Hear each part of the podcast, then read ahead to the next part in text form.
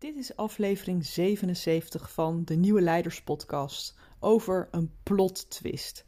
Want inmiddels deinen we al zo'n twee jaar mee op de golven van een pandemie en beginnen ook de scheuren in het weefsel van de samenleving steeds duidelijker voelbaar te worden. De media gaan al twee jaar nergens anders over dan over cijfers, beperkingen, regels, gevaar beschuldigingen van bepaalde groepen. Maar voor je afhaakt omdat je niet weer zo'n verhaal wilt horen over wat er allemaal mis is, blijf er even bij. Want in deze aflevering wil ik je juist een heel ander perspectief mee gaan geven.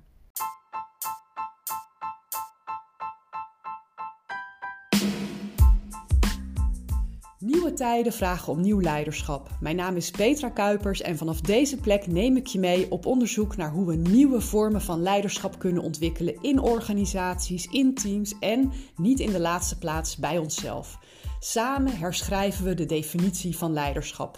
De Nieuwe Leiders Podcast is een podcast vol inspiratie en informatie voor formele en informele leiders. Let's go! Laat ik eens beginnen met een concept dat veel van ons wel kennen: de cirkel van invloed uit het boek The Seven Habits. En dat boek van Covey is niet voor niks een klassieker. En ook nu laat dat modelletje ons heel goed zien wat er fout gaat. Als je hem even voor de geest haalt, dan zie je een, een cirkel met daarin een kleinere cirkel. En die buitenste grotere cirkel, dat is onze cirkel van betrokkenheid, of in het Engels noemen ze dat circle of concern. Het gaat over allerlei thema's waar we iets van vinden of waar we last van hebben. En dan kan je echt denken uh, van de politiek tot het weer, van de beurskoersen tot hufterig gedrag in het verkeer. Maar de grootste gemene deler van die thema's is dat het allemaal dingen zijn waar je zelf met de beste wil van de wereld geen of maar heel beperkte directe controle over hebt. Nou, in die grotere cirkel zit dus een kleinere binnenste cirkel en die vertegenwoordigt de dingen waar je wel invloed op kunt uitoefenen. De keuzes die je maakt, je gedrag, maar bijvoorbeeld ook hoe je reageert op de dingen, uh, die, de situatie in die buitenste cirkel. Dat er hufters zijn in het verkeer, dat is een gegeven, maar hoe je daarop reageert, daar heb je invloed over. Maar toch, omdat we continu zo geprikkeld worden met verhalen over alles wat er maar niet goed gaat, lijkt het wel alsof we in die buitenste cirkel zijn gaan wonen en die binnenste cirkel helemaal zijn vergeten. We maken ons collectief druk om dingen waar we als individu geen enkele invloed over hebben en dan met name over de anderen die het allemaal niet snappen, die onhandig of zelfs onverantwoordelijk zijn. Als je tenminste alles wat je in het nieuws tegenkomt mag geloven. En we zijn als mens zo bedraad dat we een soort ja, perverse fascinatie lijken te hebben voor slecht nieuws. Ik bedoel, denk maar eens aan een ongeluk op de snelweg. Rijd jij daar langs zonder echt even uitgebreid te kijken hoe het eruit ziet? Ik in ieder geval niet. En gelukkig weet ik inmiddels dat het een diep menselijk trekje is en dat het niet aan mijn uh, nare inborst ligt. Het heeft te maken met een verschijnsel dat in de psychologie ook wel negativity bias wordt genoemd. Anders gezegd, je ziet makkelijker of eerder de negatieve kant van zaken dan de positieve. Het, trekt je aandacht eerder. Ehm, eh, ook beklijft het negatieve beter. Tegenslag onthouden we veel beter dan positieve dingen. En als je één kritiekpuntje krijgt, dan komt dat harder binnen dan wanneer je tegelijkertijd tien prachtige complimenten krijgt. En het betekent ook dat we sterker reageren op negatieve berichten dan op positieve. Nou, daar is allerlei neurowetenschappelijk onderzoek naar gedaan. En uh, nou ja, in, in de neurowetenschappen is inmiddels voldoende bewijs dat negatieve informatie een toename van activiteit veroorzaakt in een heel cruciaal informatieverwerkingsgebied van onze hersenen. En uit uh, diezelfde onderzoeken blijkt dat daardoor ons gedrag en onze houding door de bank genomen sterker wordt gevormd ehm, dan uh, door positieve dingen en nieuws en social media maken tamelijk gretig gebruik van het mechanisme dat we uh, ons meer laten beïnvloeden door slecht nieuws dan door goed nieuws. En daarom is ook die verhouding tussen slecht en goed nieuws, verontrustend nieuws, naar nieuws en allerlei positieve, inspirerende dingen, ja, die verhouding die is behoorlijk scheef. En een van de dingen die ik uit zelfbescherming ben gaan doen in de afgelopen periode is gewoon minder nieuws kijken. En ook kritisch letten op de toon van de social media die ik volg en de podcast die ik luister. Voel ik me na afloop geïnspireerd of hoopvol of energiek? Of juist geërgerd en bezorgd of angstig? Ik probeer mezelf echt bewuster te voeden met positieve berichten dan met negatieve, omdat ik in mijn lijf begon te voelen dat ik opgejut raakte door allerlei nieuws. En ik wil zeker niet naïef zijn, maar ik weet ook dat als ik mijn bewustzijn continu vol laat lopen met negativiteit, dat het niet anders kan dan dat mijn gedrag daardoor wordt beïnvloed. En als dat nou zou bijdragen aan een oplossing voor de problemen die er spelen, dan was het natuurlijk een ander verhaal. Dan deed ik dat met liefde. Maar ik ben zo bang dat ik op die manier vooral bijdraag aan het groter maken ervan. als ik me blijf focussen op al die negatieve berichtgeving, dan draag ik zelf ook bij aan onrust, aan angst of verdeeldheid. En daar help ik helemaal niemand mee. Nou, een cliché wat je regelmatig hoort is: wat je aandacht geeft, groeit.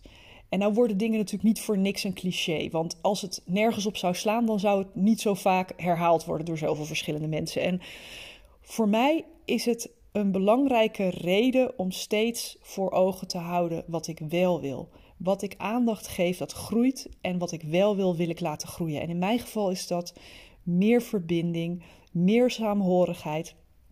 Maar vooral ook een nieuw verhaal. Een narratief waar we door geïnspireerd worden en waar we als collectief aan mee willen bouwen, waar we onze armen door uit de mouwen willen steken. Een vooruitzicht dat we echt tot in onze cellen kunnen voelen en dat ons energie en hoop geeft. En er zijn in de geschiedenis heel wat prachtige voorbeelden geweest van verhalen die een enorm krachtige beweging op gang brachten. de I Have a Dream van Martin Luther King. Ehm, of uh, de quote van Malala, volgens mij iets in de zin van één kind, één leraar, één pen of één boek kunnen de wereld veranderen.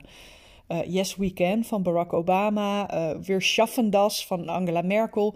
En het gaat niet zozeer om de quotes zelf. Het gaat om het verhaal dat daarachter zit, waar dit uit, uit ontspruit, waar dit uit voortkomt. Het gaat om een inspirerende, maar heldere en realistische visie op hoe we als mensen met elkaar omgaan en hoe we de wereld mooier kunnen maken een aansprekend verhaal dat een beroep doet op ons voorstellingsvermogen. Hè? Iets van hoe mooi zou het zijn als, of moet je eens voorstellen wat er voor geweldig zou gebeuren wanneer. Door de focus te verschuiven van aandacht naar wat er allemaal scheef zit en wat ons wordt aangedaan, naar hoe bouwen we nu stap voor stap, steen voor steen een nieuwe wereld waar we weer een cultuur hebben van saamhorigheid, van omkijken naar elkaar, waarin we onze plek innemen in, in het natuurlijke ecosysteem in plaats van dat we ons er buiten of erboven plaatsen. Uh, een wereld waarin we de kloof tussen arm en rijk weten te verkleinen, waarin we niet langer als we leegte voelen dat opvullen door te consumeren, maar juist door zingeving, uh, waarin biologische lokale groenten beschikbaar en betaalbaar zijn voor iedereen, dat soort dingen. En dat klinkt misschien utopisch, maar bedenk dat alles wat er in de wereld bestaat ooit is begonnen als een idee. de stoel waar je op zit, het huis waar je in woont, de organisatie waar je voor werkt. We hebben alle verbeeldingskracht nodig op dit moment om een nieuw normaal in de wereld te kunnen dromen. En hoe ziet die wereld eruit die je wil nalaten aan je kinderen, aan je kleinkinderen, aan je achterkleinkinderen? We hebben nu de keuze om een goede voorouder te worden. We kunnen zelf een geweldige plot twist creëren. En het is goed om te realiseren daarbij hoe groot de invloed van taal en van een aansprekend verhaal kunnen zijn. Er is een mooie quote die zegt: taal beschrijft niet de wereld, maar taal creëert de wereld. En dat dat inderdaad zo werkt, hebben we natuurlijk al verschillende keren kunnen zien. Hè? Als we bijvoorbeeld kijken naar wat er allemaal gebeurde rond de Amerikaanse verkiezingen. Maar ook nu um, de invloed die allerlei vormen van fake news heeft op overtuigingen, op gedrag en keuzes van mensen. Inmiddels zijn er zo ongelooflijk veel tegenstrijdige verhalen in omloop. Ja, dat het gewoon ongelooflijk lastig is om feit en fictie van elkaar te onderscheiden. Taal en verhalen zijn zo ontzettend krachtig dat ze, wat mij betreft, met een waarschuwing zouden moeten komen. Het bepaalt heel erg welk perspectief we ontwikkelen, maar ook hoe we communiceren, zowel met onszelf als, als met anderen. want onderschat bijvoorbeeld ook niet wat de manier waarop we inwendig tegen onszelf praten doet met hoe we ons voelen en met ons gedrag. met inwendige zinnen als: ja, nu kan er helemaal niks meer. Of het komt nooit meer goed of dit leidt allemaal tot nog meer ellende. Daarmee programmeren we een soort van voldongen feiten die de boel helemaal vastzetten voor onszelf. Dat doet iets met je. En negatief geladen woorden zoals crisis, ellende, vastlopen, complex, dat versterkt dat mechanisme nog veel meer. Je sluit je als het ware op in je eigen perceptie en er is geen kiertje meer waardoor nog een ander perspectief naar binnen kan zijpelen. Dus het is gestold.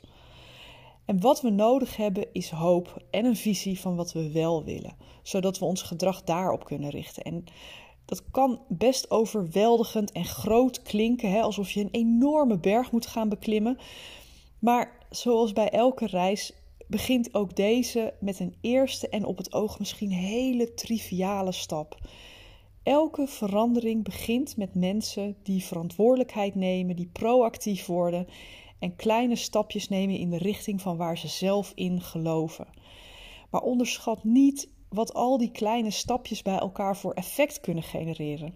En ik weet niet of je het boek The Slide Edge of The Compound Effect kent, maar allebei die boeken hebben een geweldige case voor het nemen van die onde, onbetekenende kleine stappen. Ook al geven ze een tijd lang geen enkel zichtbaar resultaat. Want als je dat ja, volhoudt, dan eh, zorgt de factor tijd ervoor dat, uh, dat er rente op rente ontstaat, hè, een compound effect. En die rente op rente die ontstaat door die acties, zeker als veel mensen uh, um, op hun eigen manier die, die stapjes beginnen te zetten, die, dat effect is ongelooflijk krachtig. En hoe dat voor mij eruit ziet en hoe het voor jou eruit ziet, dat kan heel erg anders zijn. Kijk, voor mij is bijvoorbeeld uh, bewuster consumeren echt een ding. Fair trade, lokaal, biologisch, waar het kan, uh, dingen tweedehands kopen. Maar voor jou is dat misschien vaker kiezen voor de fiets in plaats van voor de auto. boodschappen meenemen voor een eenzame of oudere buurman. Hoe het er ook voor jou uitziet, besef dat dit soort microacties er echt toe doen.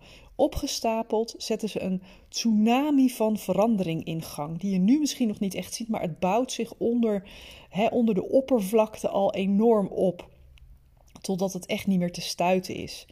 Maar minstens zo belangrijk is dat ze je helpen om om te schakelen van machteloosheid en reactief voelen naar meebouwen aan een wereld waar jij echt in gelooft.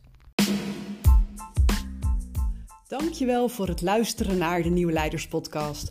Was deze aflevering waardevol voor je? Door hem te delen of een recensie achter te laten, help je nog veel meer mensen om de Nieuwe Leiders Podcast te vinden. En vergeet niet de podcast te volgen zodat je niets meer mist. Ik tref je graag bij de volgende aflevering.